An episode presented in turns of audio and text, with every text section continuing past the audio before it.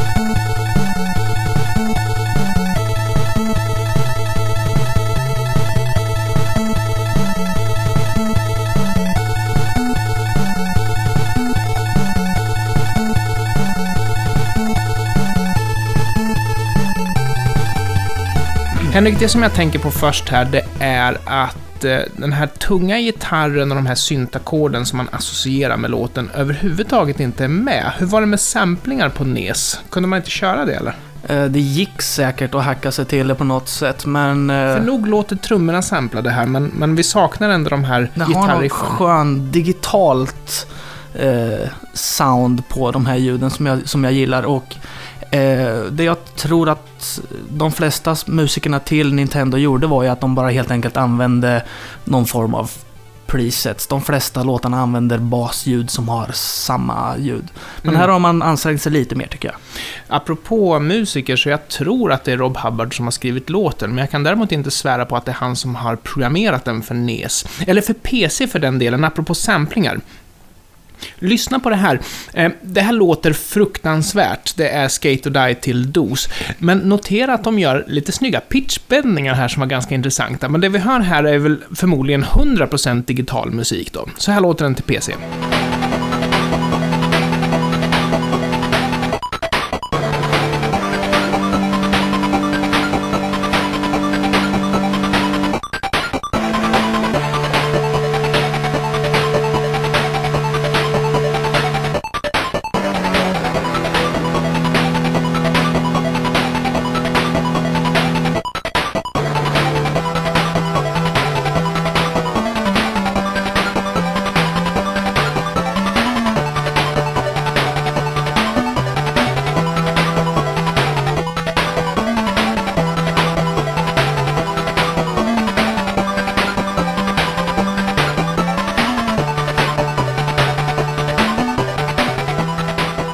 Och det här tar oss ju naturligtvis till Skate or Die, originalversionen till Commodore 64 av Rob Hubbard. Eh, det vi kommer att få höra här är ju dels 4-bit-samplingar på gitarren och på keyboardackorden.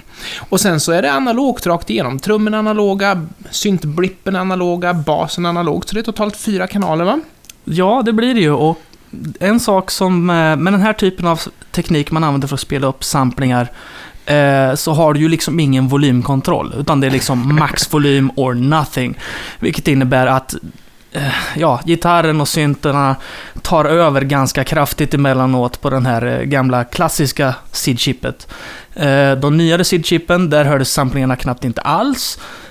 Och det kanske du föredrar, jag vet inte. Men här är i alla fall som det låter på det gamla finfina originalchippet. Men du, kommer du ihåg, nu ska jag alldeles strax spela den, men kommer du ihåg också att det blinkade på skärmen, alltså på borden, när eh, synten och gitarren spelade? Ja, precis. Och man brukar säga att det är en VU-mätare för den digitala musiken.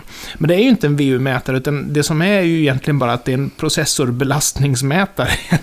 Ja, det, det är en eh, fin liten effekt som många använt sig av på olika sätt genom eh, tidens gång. Men en annan grej som vissa, grejer, vissa musikuppspelare gjorde var att de blinkade med diskdrive-lampan också Ja, i takt med musiken. Och det tyckte jag var jätteroligt att titta på. Ja, ja, det där fastnar man ju vid. Skate or Die av, naturligtvis, Rob Hubbard.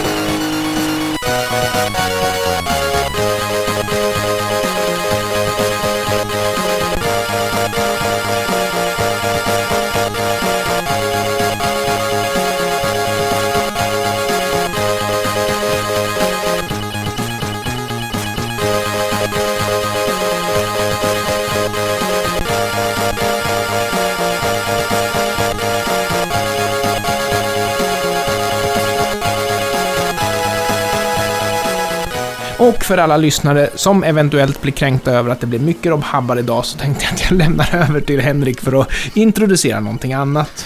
Det vi ska lyssna på nu är eh, en remix av en eh, låt komponerad av Rob Hubbard. Nej, du skojar? Det Nej, gör men jag är, faktiskt Nej, inte. men det är Rob Hubbard. Henrik, snälla du. Ja, mm.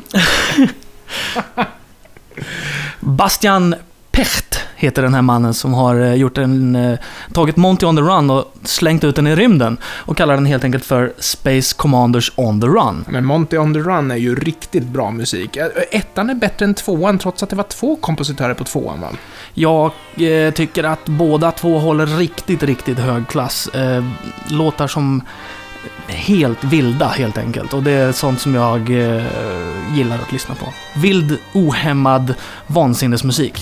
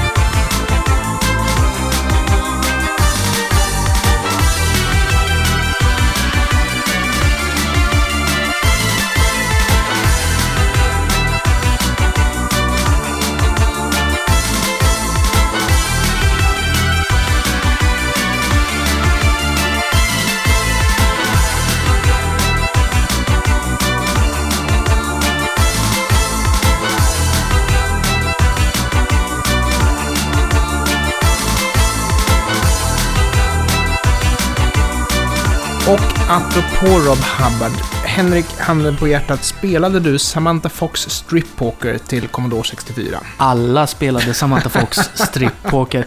Samantha Fox var ju någon som ehm, alla killar gillade och alla tjejer förmodligen hemligt ville vara. Det kan vara min egen sexistiska inställning där, min tolkning av det som hände på 80-talet. Men jag erkänner ju att jag har Samantha Fox i vinylbacken hemma och Ja, att jag ångrar att jag aldrig köpte den där bildskivan av Touch Me. ja absolut. Och jag själv köpte jag ju posters och du vet de här flaggorna man kunde köpa på Ginsa. Alltså jag hade allt Och med Samantha Fox. Dekalerna på omslaget av tidningen Okej. Ja, givetvis. Och de här affischerna som var i tidningen Okej också Aha. för den del. Eh, hon eh, var väl eh, föga road av det faktum att Okej hade köpt gamla utvikningsbilder av henne, men så är det ju. Gör man det så gör man det. Då Ja. får man ju stå för det. Hon fick ju betalt. Ja, och eh, det faktum att hon då faktiskt hade avslutat sin nakenmodellkarriär innan hon började göra musiken. eh, Det märktes inte. Det märktes Okej. inte. Och hon fick väl acceptera det faktum helt enkelt att eh, det var det som ledde hennes karriär framåt, kanske lika mycket som musiken. För musiken i sig är ju, åh vilken klockren 80-tals pop poprock. Eh, ja, alltså musiken är inte vrålmärkvärdig. Hon är inte en speciellt duktig sångerska, utan hon har burits en hel del av sitt utseende kan jag tro. musiken här, det är ju Scott Joplins The Entertainer och den känner man ju igen ifrån, eh, ja det är ju soundtrack till blåsningar bland annat. Så det här har ju inte Rob Hubbard skrivit, men Rob Hubbard har programmerat det. Och jag kan inte lyssna med mätt på det här, därför att han har tre kanaler på sig. Och i alla tre kanalerna så jobbar han med arpeggios för att skapa illusionen av att det finns fler kanaler än vad som verkligen finns. Så jag kan lyssna på varje kanal och bara fascineras över hur välgjort det här är. Det är underbart faktiskt. En av de här låtarna som eh, man på något sätt tänker att det är inte en musikstil som man lyssnar på, utan det är verkligen en helt egen typ av låt. Music hall. Typ. Ja, mm. och Vet du att jag har befunnit mig 100 eh, meter ifrån Samantha Fox. Du, det kan jag säga. Det... Okej, okay, berätta innan jag bräcker dig. Jag var på Mallorca och... Eh... Och privat alltså? Har du befunnit dig mindre än 100 meter ifrån Samantha Fox? Jag befann mig på Mallorca och vi var utanför en sån här jättestor eh, festklubb. Och då kom det en helikopter med Samantha Fox i. Och så landade hon, så gick hon ner på scen och så körde hon fem låtar playback och så flög hon iväg igen. Jaha. Jag befann mig utanför och såg ingenting av detta. Jag köpte biljetter till Samantha Fox när hon var och giggade i Sverige sist och eh, jag kom först eftersom jag ville stå nära Samantha Fox. när, när var sist?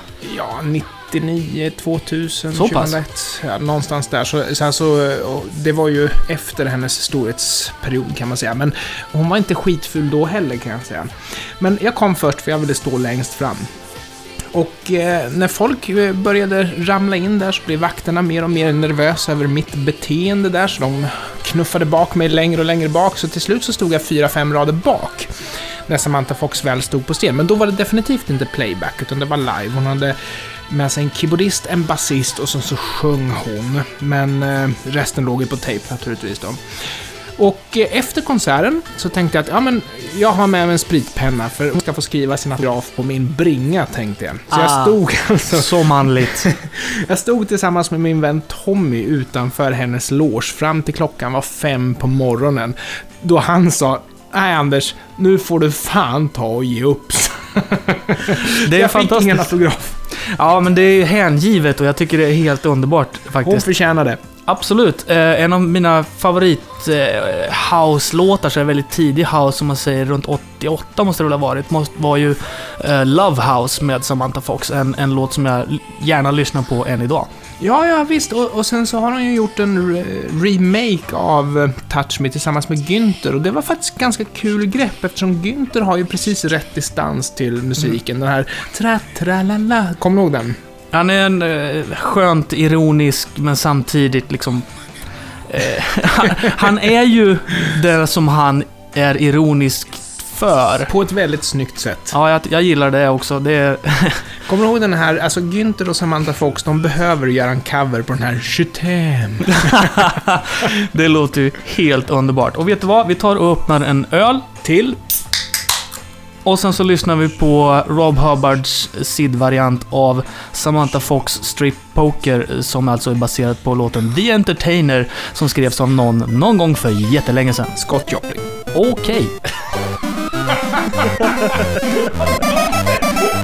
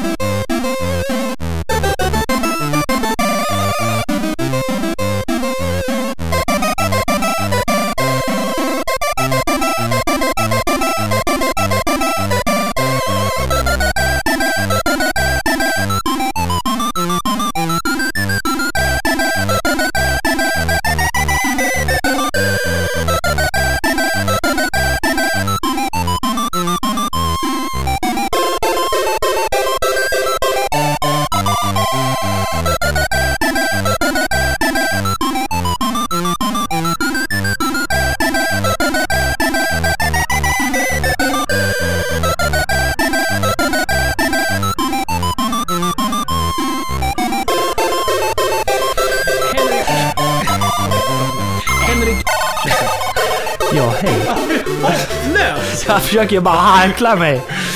Henrik, kommer du ihåg det gamla fina spelet Moon Patrol? Jag minns Moon Patrol. Det tyckte jag var ett sånt här... eh, Moon Patrol säger du, jag säger Moon, Moon Patrol. Patrol. Ja, men det, du får säga det som du vill. Det är Tack. helt okej. Tack. Men eh, det var väl ett spel som... Det var ju en idé. Man åkte med bilen, man hoppade över saker och sköt på andra saker. Det var en Och månbil, Där. med sex hjul. That was it. Ja, eh, men det var ju också frän parallax-scrolling, för du hade väl tre, eller två lager, tre lager scrolling och sånt där. Du hade ju berg i bakgrunden som scrollar långsammare längre bort och sådär. Parallax-scrolling som för övrigt har blivit en term inom eh, media. Men det kommer ju från det här gamla Parallax med musik av Martin Galway, om inte Eh, jag vet inte, men den här effekten används ju även inom till exempel tecknad film. För att Ja, visst. uppnå en schysst 3D-effekt. Vilket, och rätta mig om jag har fel, kommer ifrån namnet på ett gammalt Commodore 64-spel faktiskt. Men, men det här, du kunde hoppa och du kunde skjuta och du sköt uppåt, du sköt framåt och det kom fiender. Men, och det, det kunde bli hål i marken också som du var tvungen att hoppa över. Alltså ganska schysst spel ändå. Inte speciellt så här varierande, utan det var en grej genom hela spelet, men ganska schysst ändå. En smart idé för ett ganska bra spel, eh, liksom, värde.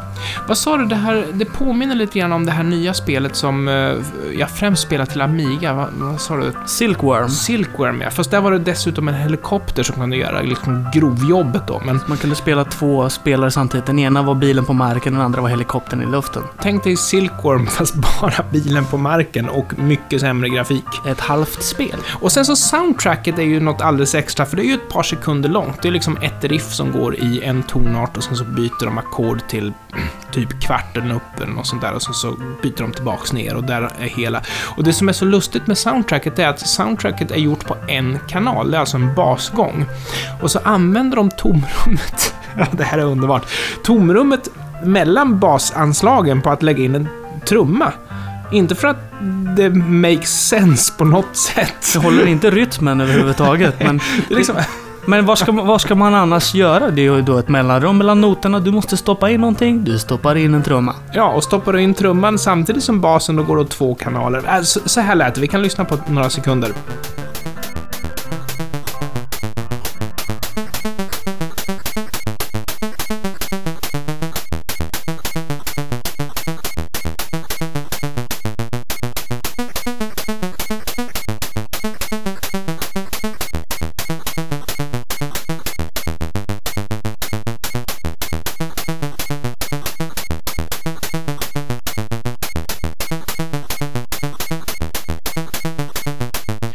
Det är hela låten som vi lyssnade på nu. Det, det är alltså hela soundtracket. Och tänk dig att det är en speltid på två, tre timmar. Efter eh, någon timme så är man ganska trött på de där två ackorden. Är, är det tillräckligt genialiskt fast det är så kort så kan man lyssna på det väldigt länge. Men ja, en timme tror jag nog är själva smärtgränsen för just den melodin.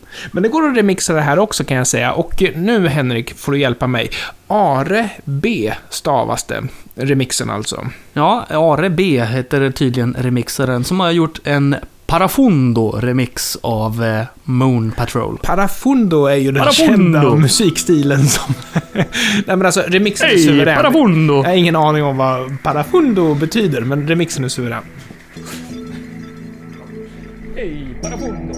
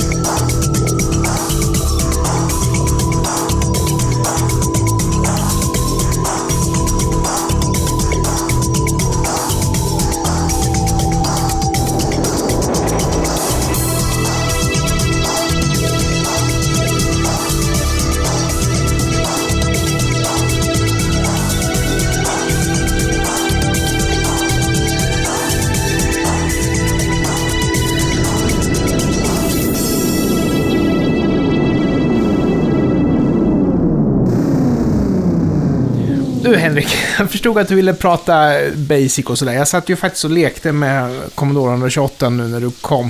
Eh, Du hade kollat upp varifrån det kommer och det handlade om timesharing på gamla stordatorer. Att vem som helst ska kunna programmera bara man kan skriva lite enkla kommandon. Det är ju en eh, jättebra idé kan man ju helt enkelt säga. För att det höll ju sig bra länge det här med Basic. Ja, ja, ja. ja och alltså, eh, I princip alla hemdatorer hade ju Basic i sig. Ja, och vi hade ju på 64 var det ju CBM Basic version 2. Ja, samma som i VIC-20 alltså. Och det är ju ganska intressant. CBM Basic eh, konstruerades eh, åt Commodore av inga mindre än Microsoft. Det var ju Som- det de gjorde, så det var ju Basic som var deras grej. Ja, och sen uppfann de ju eh, en egen version av DOS som spriddes väldigt vilt genom världen lite senare i historien, skulle man väl kunna påstå. Men- Ja, precis. För Basic alltså, då pratar vi om hemdatorerna som fick sitt genomslag. Alltså sitt genomslag fick de väl kanske inte, men hemdatorerna kom ju ut på marknaden under senare halvan av 70-talet. Och då skulle det alltid vara Basic. Och det höll ju i sig under i princip hela 80-talet. Men 80, vad kan det vara, 81, 82 där någonstans så släppte ju Microsoft DOS, MS-DOS. Mest DOS, som man hade på sina fina små PC-datorer som man inte förstod varför man skulle använda. För man hade ju redan en Commodore 64 och en Amiga och vad skulle jag använda en PC för? Åh, nu har den fått ett ljudkort. Åh, vad spännande hörru du. Vad ska du med det till då? Nej, men jag håller med. Jag hade faktiskt väldigt svårt att förstå vad man skulle ha en PC till. Den, för det första så kostar den ju väldigt mycket mer. Den gick att bygga ut och den hade snabb processor och mycket minne och sådär, men den kostade väldigt mycket mer. Jag tror att den saken som fick mig att gå över till PC från Amigan var väl helt enkelt det faktum att det dök upp eh, eh, musiktrackers med fler kanaler än fyra. Ja, just det. För det, det var ju inte riktigt lika knuten till hårdvarubegränsningarna eftersom på Amigan så var det ju så att det var hjälpchip som skötte musiken. Och musiken kunde göra det som hjälpchippen kunde göra, så att säga. Ja, precis. Du kunde aldrig expandera bortom det. Nu fanns det ju visserligen trackers på Amigan som kunde hantera fler kanaler. eh, Ja, men den delar väl upp då. Ja, och... Det var eh, ju sämre ljud om du körde åtta kanaler än fyra kanaler. Ja, och det var inte så användarvänligt som... Ja, det var ju Fast Tracker det handlade om på PCn helt enkelt. Jag kan väl säga att Fast Tracker var det som fick mig att köpa en PC. Tack Triton! Kommer du ihåg, eh, vad heter den, Star Tracker på Amigan som var åtta kanaler? Star Trekker. Ja, precis. Du förstår det ju, Star Trek. Ja, Den hette ja, Star jo. Trek. Ja, jo. Med Ja. dubbel-K där. Ja, precis. Eh, Star Trek var det ju... Eh, det fanns en annan tracker som hade fler kanaler, men Star Trek var väl den som var mest känd. Ja, Eh, jag jag har- kommer nog inte ihåg riktigt, för jag minns också att det var någon annan jag körde först. Eh, Och jag kommer till och med ihåg låtarna jag gjorde. Jag tyckte det var så extremt lyxigt att ha de här åtta kanalerna, så jag brydde mig inte så mycket om att det var brusigt och eländigt. Men, men nej, jag kommer inte ihåg namnen nu alltså. Man tänkte så här, åh, nu kan jag göra jättestora ackord. Visst var det det man tänkte. Och sen kom man inte så mycket längre. Men sen eh, när man hade avancerat bort till, till Fast Tracker så förstod man att använda kanalerna på ett bättre sätt. Nu har vi frångått ämnet som var Basic. Det gör ingenting, för att vi kan helt enkelt gå vidare och lyssna på musik och glömma den här konversationen och bara gå vidare i våra liv. Vad ska vi ta då, tycker du? Ja, jag gillar ju en kille som heter Rob Hubbard. Vem är det? Eh, det är... ja, nej nu ska vi inte hålla på sådär. Här kommer i alla fall en eh, original SID av Rob Hubbard. Och det är Human Race igen, fast den här gången är det sublåt nummer tre istället för sublåt nummer någonting annat som vi Ja. lyssnade på förut. Alltså håll i hatten när det gäller eh, ljudeffekterna här och notera även att det var en sinuskurva på liden i början. Det tyckte jag var kul. Det är fantastiska ljud i den här låten, fantastisk rytm, fantastiska... Oj, men den är kort och koncis på eh, runt 90 sekunder om jag inte minns helt fel. Här är Rob Hubbard.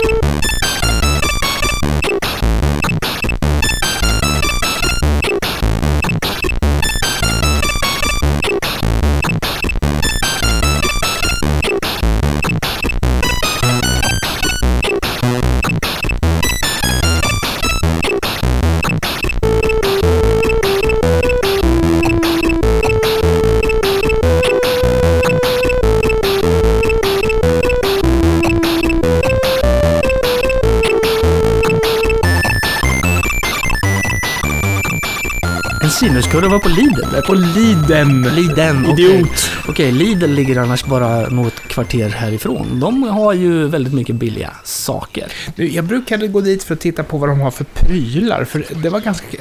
Åtminstone när det var nytt. Nu var det jättelänge sedan jag var där, jag har tröttnat, men det var väldigt kul att gå dit någon gång i veckan och se alltså, jag kan köpa en miniräknare. Ja, de har ju till och med en sån här liten, eh, som en freestyle, en kassettspelare alltså med USB-kontakt i. Av riktigt, riktigt dålig kvalitet. Köp Så har de till och med den. sånt alltså? Ja, den, den otroligt dålig konstruktion som jag absolut inte rekommenderar att ni köper. Den kommer att gå sönder på nolltid Okej. om den låter bra till att börja med. Jag har sparat mitt gamla kassettdäck och sen så använder jag vanliga digitaliseringsmjukvaran i PCn för att digitalisera mina kassetter. Jag tror att det är smartare. Man behöver inte ha USB, man behöver ha... Ja, Det ha sitt blir, det blir samma slutresultat för inuti den här USB-maskinen så har du lik förbannat en analog avläsning av själva bandet. Så att det, någonstans sker det en analog till digital konvertering och jag tror att i den här jättebilliga bandspelaren från Lidl så är inte den konverteringen särskilt eh, duktig. Nej, men du, du står och faller med att du har ett bra ljudkort alltså om du inte använder USB. Den här mikrofonen som vi pratar i nu är ju digital och det betyder att den sköter ju omvandlingen från analog till digital. Så det spelar ju liksom ingen roll vad du har för ljudkort då, men... men och det, det är väl poängen med de här kassettdäcken från Lidl också, men alltså det är ju skit. Det är ju samma sak grammofonen som jag har där. Den jag har ju en inbyggd förförstärkare, men som tur är, eller en fonoförstärkare, men som tur är kan man ju stänga av det och använda fonoförstärkaren i sin riktiga förstärkare istället då. Om man nu skulle råka ha en sån här bra audiofil förstärkare. Det är alltid trevligt. Ja, men det Eh. måste man ju ha. Jag har själv också ett, eh, ett kassettdäck, en, en dubbelkassettdäck som jag faktiskt köpte på Erikshjälpen för att stödja de Ja, men det är eh, svältande barnen. Och visst kan man hitta bra musikutrustning just alltså på de här second hand-butikerna. Det finns massor av bra grejer. Jag väntar bara på att jag ska springa på någon sån där riktigt lyxig DVD-spelare eller, ja, du vet, de här riktiga high-end DVD-spelarna. Alternativt en laserdiskspelare. Jag har en, men jag skulle vilja ha en bättre. Ja, alltså, just Erikshjälpen som du nämner. Vid ett tillfälle så var jag där och sen så såg jag ett mixerbord på 16 kanaler med slutsteg och med monitorlådor och alltihopa. Hela paketet för 5000 spänn. Och alltså, Mia sa det till mig att Anders, du spelar ju inte band längre så du behöver inte de här grejerna. Så jag, men jag vill ha dem, jag vill ha Jag dem vill, stå här hemma. Så Ja. Men de försvann nog ganska snabbt. De stod inte där eh, när jag var där senast i alla fall. Så att, eh, det är ju sådana saker som går fort. Och det är samma, Ja. Jag var på Myrorna ganska nyligen och tittade på deras stereoavdelning och det är väldigt stor eh, rotation på de prylarna. Ja, och, och det är bra grejer som kommer in och försvinner ut alltså. Det, det är absolut toppen. Sån här som Denon-förstärkare som man Mm. gick till hi-fi-klubben och tittade på på 90-talet. Sådana prylar. Det här med LP-skivor är ju jag ganska intresserad av och jag köper ju en del bra skivor ifrån typ Banana Moon och sånt där. Men så tipsar ju du mig om um, second hand-butikerna för det finns alltid någon back där. Och jag åker ju faktiskt genom Sverige nu bara för att rota i gamla vinylbackar och sånt där. För då kan man hitta skivor för mellan 5 och 15 spänn styck. Det är mycket bra grejer som kan... Alltså man vet aldrig vad man springer på på sådana där konstiga ställen. Och man, man kan alltså göra värsta fyndet. En skiva som kanske kostar 200-300 att köpa ny kan man hitta för en tia liksom i någon gammal ö, övergiven skivback. Men då var jag på ett av de här second hand-ställena så, så hittade jag ju de här JVC-högtalarna som jag har, har som primära högtalare i min Mycket stereo. vackra. 70 spänn fick jag betala för dem. Det där är ju faktiskt kvalitetshögtalare. Ja, och alltså jag trodde inte mina ögon. Alltså två stycken JVC-högtalare för 70 spänn. 30 watts högtalare. Och jag, menar, jag har alltid drömt om att ha ett bra par högtalare. Och i och med att jag var intresserad av att gräva i vinylbackar så fick jag liksom dem mer eller mindre på köpet skulle jag säga. Det är toppen och- det finns inget större nöje än att kunna lyssna på sin favoritmusik i riktigt bra kvalitet. SID-musiken låter mycket bättre nu. Nej, och förmodligen är det väl någon audiofil som själv vill uppgradera sitt system och då var vänlig nog att skänka högtalarna till Erikshjälpen för att pengarna skulle komma till välgörande ändamål och det gladde ju mig, jag betalade gärna. Högtalarna gick till bättre behövande helt enkelt. Ja, definitivt det bättre behövande. Så min stereo är nog den är nog 25 år gammal nu, men högtalarna har varit det som jag har kompromissat på. Jag har valt det bästa av allting, men högtalare, det har liksom inte riktigt haft råd med. Va? Det finns ingen genväg till det perfekta ljudet. Nej, det gör ju inte det. Därför att är det så att du har en perfekt förstärkare, det kan man få för 5-6 tusen om, om man väljer en, en liksom japansk lösning, så. Högtalare kan man inte kompromissa på, utan det kostar. Så jag är oerhört tacksam för det här lilla fyndet. Ja, det spelar ju faktiskt ingen roll vad du har för prylar sitter i ljudkedjan så att säga eh, före högtalarna. Om du nu har ett par högtalare som inte kan återge den kvalitet du har köpt dig innan. Så allting hänger ihop. Hade det inte varit så att eh, jag var intresserad av kamouflage så hade jag aldrig träffat Henrik och så hade jag aldrig fått tips om det där så hade jag aldrig fått mina högtalare. Nej, nej. Det viktiga är ju att ni lyssnar på kamouflage på ett par riktigt lyxiga högtalare i eran högkvalitativa HD-kompatibla 3D-förstärkare. Du kommer ihåg Green Beret? Jag kommer ihåg Green Beret, man gick och sen så, så sköt man och man högg med kniven och så kunde man ducka. Och man kunde ligga ner. Ligga ner. Ja, precis. Inte ducka, utan ligga ner. Man Ja, det var sig så ner. gjorde man la sig ner till Ja. och med. Det är liksom, I andra spel så duckar man, men i Green Beret så la man sig Tänk dig så otroligt jobbigt att hålla på och kasta det ner på backen och upp igen och ner och upp, ner och upp. Fast är man en, en, en Green Beret, riktigt sån där hård soldat, så har man säkert övat på det. Ja, det är säkert Sylvester Stallone som ställde upp som modell för spritesen i spelet. Tror du Sylvester Stallone kan slänga sig på backen och resa på sig igen nu, vid, vad är han nu, 65? Ja, det vet jag inte, men jag kan göra det när jag spelar Green Beret. Det, alltså, det var inte vrålspännande. Man var lite nyfiken på vad som skulle komma nästa. Så Det de var ett ganska met- svårt spel. Ja, en ny metallstruktur och sånt där. Och så, ja, just det, de, de, det var hundar och sen så var det Ja, de här det. som kastade bomber också. Mm. Så det var lite variation. Jag är inte säker på att jag ens har kommit till slutet av första leveln på det spelet någonsin. Ja, men det fanns ju cheats. Eh, det gjorde det säkert, men jag gav säkert upp ändå. I buy pink sheet. I buy pink sheet. Engelsk frökelse. Eh, men, eh, Un bon vin blanc. Det alltså, är alla de franska nasala ljuden i samma mening. Dorfyr gignonom. du, eh, men alltså, musiken som spelades medan man spelade spelet, det var ju mest ett alarmljud och sen så en trumvirvel. Och den här trumvirveln... där- Ja, visst. Och sen var det inget mer. Nej, man, liksom, va? Martin Galloway, bättre kan du.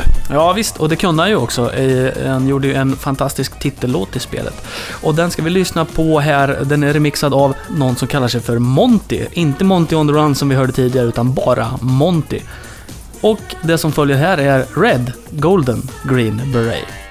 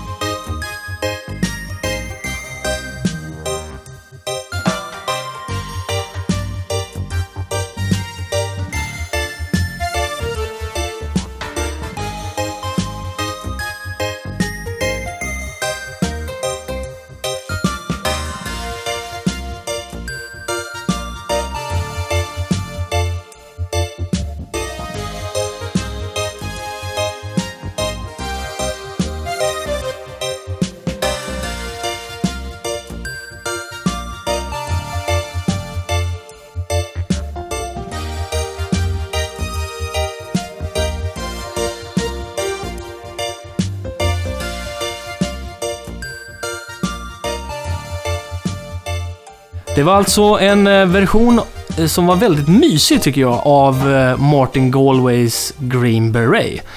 Det var ju en toppenlåt. Intromusiken va? Eh, för titel- in-game var väl mest trummor. Ja, så det Mm. där var väl titelskärmslåten. Martin Galloway, en av våra stora idoler och hjältar. En mycket duktig människa som hade, som jag känner, ett ganska eget sound.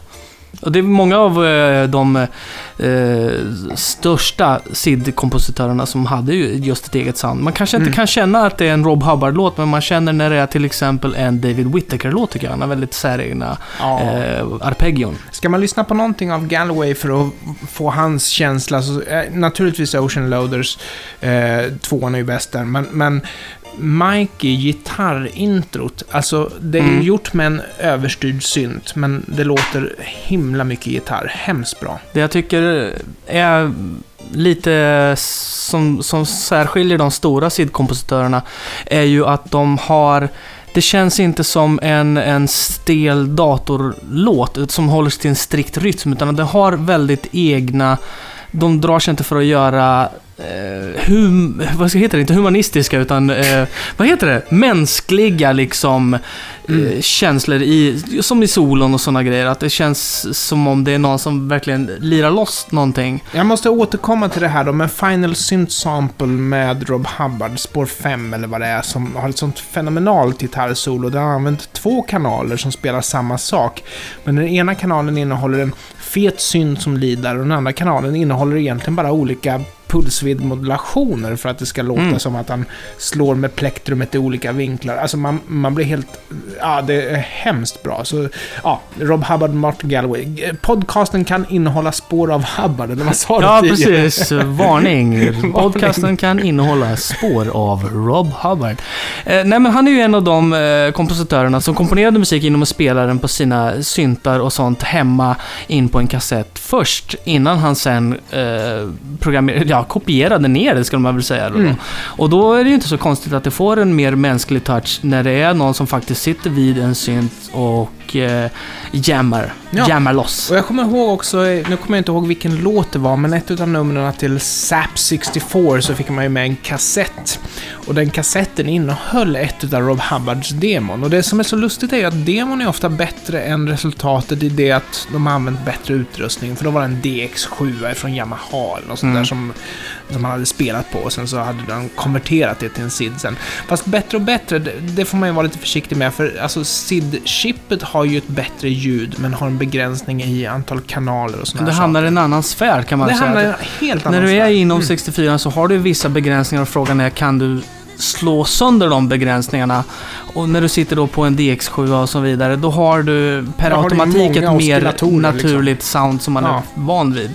Och det är så stora sorgen att Commodore la ner utvecklingen av Commodore 65 som var uppföljaren till Commodore 64. Anledningen till att man la ner den var för att Amigan sålde så väldigt bra som den gjorde, så man behövde liksom inte ha en ny Commodore 64 på marknaden. Men det var en dator som egentligen var en, en Commodore 64 med snabbare processor och två SID-chips.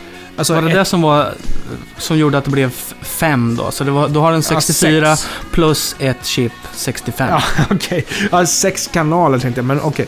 Eh, men det, det, det där är otroligt Ja. spännande. Det där har jag ju inte riktigt uh, hört talas om. Finns det ja, det, alltså, kanske någon musik som är komponerad specifikt på en sån dator? Det finns ett par låtar, men grejen är att den kom ju bara som prototyp. Ah. Och eh, basic-kommandona för att styra grafiken och ljudet, de blev aldrig implementerade tyvärr. Så Hade den dubbla grafikchip? Nej, men den, den hade faktiskt bättre grafik än vad Amigan hade. Men eh, grejen var den att det var ju en vidareutveckling på 64 så hade ju alla de begränsningar som 64 hade, hade ju även den.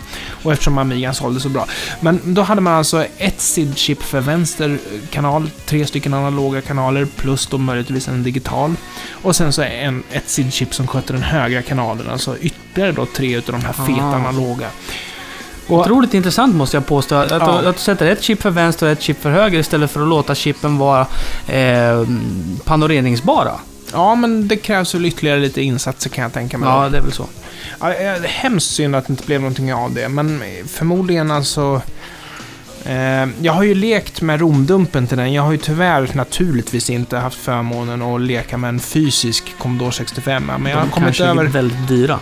Ja, de är väldigt dyra. Det finns en handfull i hela världen. Mm. Men jag har två stycken romdumpar, en lite äldre och en lite nyare. Men ingen av dem har implementerat Basic för just SID-chippet. Så ingen av dem kan jag liksom leka med så som jag vill. Basic som alltså fyller 50 år i maj 2014. Grattis Basic! Grattis!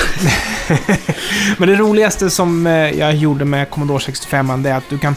Det här kommandot Go64 som Commodore 128 har, det gäller även i Commodore 65. Att du kan hoppa in i 64-läge. Men till skillnad från Commodore 128 som egentligen hade samma processor som 64 ehm, så hade ju 65 en bättre processor med högre klockfrekvens. Då kunde du poka och säga att du vill använda den högre klockfrekvensen i 64-läge. Så kunde du spela Stunt Car Racer med bättre eh, skärmuppdatering. Ja, just det, för den var ju erbarmligt dålig.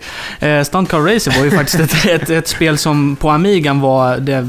Ja, det var suveränt på Amiga. Ja, visst. Och idag, eh, med dagens ögon sett, så är det ju erbarmligt dåligt. Men på 64 redan då, då var det nästan ospelbart. Det var väl en, en eh, framerate på 3 ungefär. Ja. Och då överdriver jag inte, utan det var verkligen en jättelåg framerate på det Men på spelet. Commodore 65 så hade du alltså en framerate på 6, vilket helt plötsligt Tada! jämförbart med Amigan alltså. Alltså spelidén och spelkänslan på Amigan är ju suverän, men, men frameraten är ju inte perfekt där heller, det kan man ju inte påstå. Nu är intressant i alla fall, men just det där med kommandot Go64 gillar jag ju. tror du, vad, vad tror du skulle ha hänt om man skrev Go Go Gadget Skates? Ja, då tror jag att eh, Inspector Gadget kommer. Då kommer det... Nå, nu är det så här att, kära vänner, att ni har nått slutet av denna eh, fantastiska, underbara, jättetrevliga inspelning som vi kallar Camouflage. Eh, vi Innan har... ni går ut så måste jag bara säga, ni som har en 128, skriv Go 8x8 istället för 64. Det är mer elit. Alltså det är lustigt, för det säger mig att, men alltså, Go 64 vore ju rimligt om det vore ett kommando. Men helt uppenbarligen är det så att Go är ett kommando och 64, 64 är argumentet. vilket är helt liksom omotiverat, för vilket, vilka andra argument skulle man skicka in? Go 256 så får man värsta skulle superdatorn. räckt skriva till exempel 64? Ja. Eller Go 64 som ett kommando.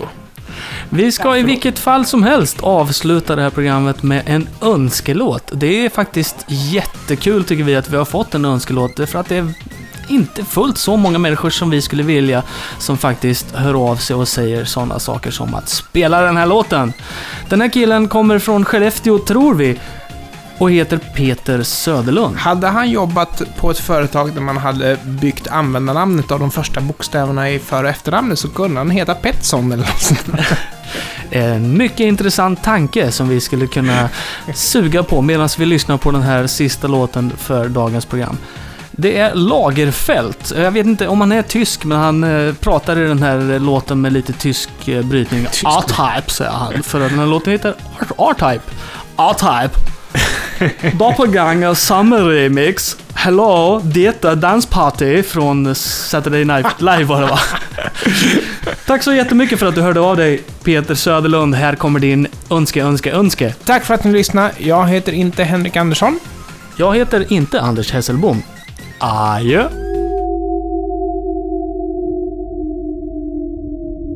One man and his ship on a mission to save the galaxy.